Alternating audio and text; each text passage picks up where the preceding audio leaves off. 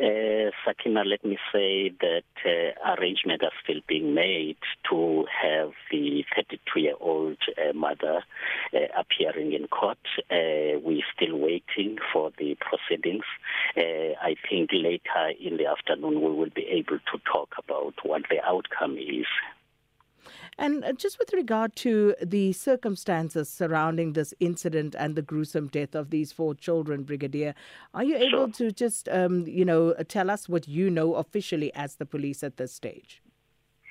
Basically, as we indicated, uh, Sakina, yesterday, that uh, our initial investigation actually revealed that uh, uh, the old 32-year-old mother was sleeping in her home uh, together with her, you know, four children. And um, in the morning, uh, when she, the mother spoke to the father, apparently they were outside the house. That's when the father to the mother uh, actually learned about this incident and witnessed, you know, these children, you know, having uh, died in the house already. Uh, the allegation is that uh, they were hit with the sledgehammer.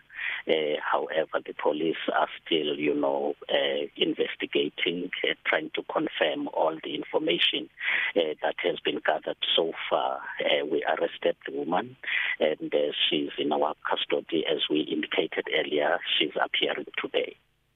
Brigadier, is there any uh, indication of what the motive may have been? It's not clear at this stage. Uh, we're just hoping that maybe after uh, the court we will hear exactly what the detectives have gathered so far, uh, which will actually shed some light in terms of maybe the events that may have led, you know, to this actual uh, un- uh, unfortunate incident. And you say that will still happen later today. She will be appearing today, Brigadier. She, she's still going to appear uh, today, uh, Sakina.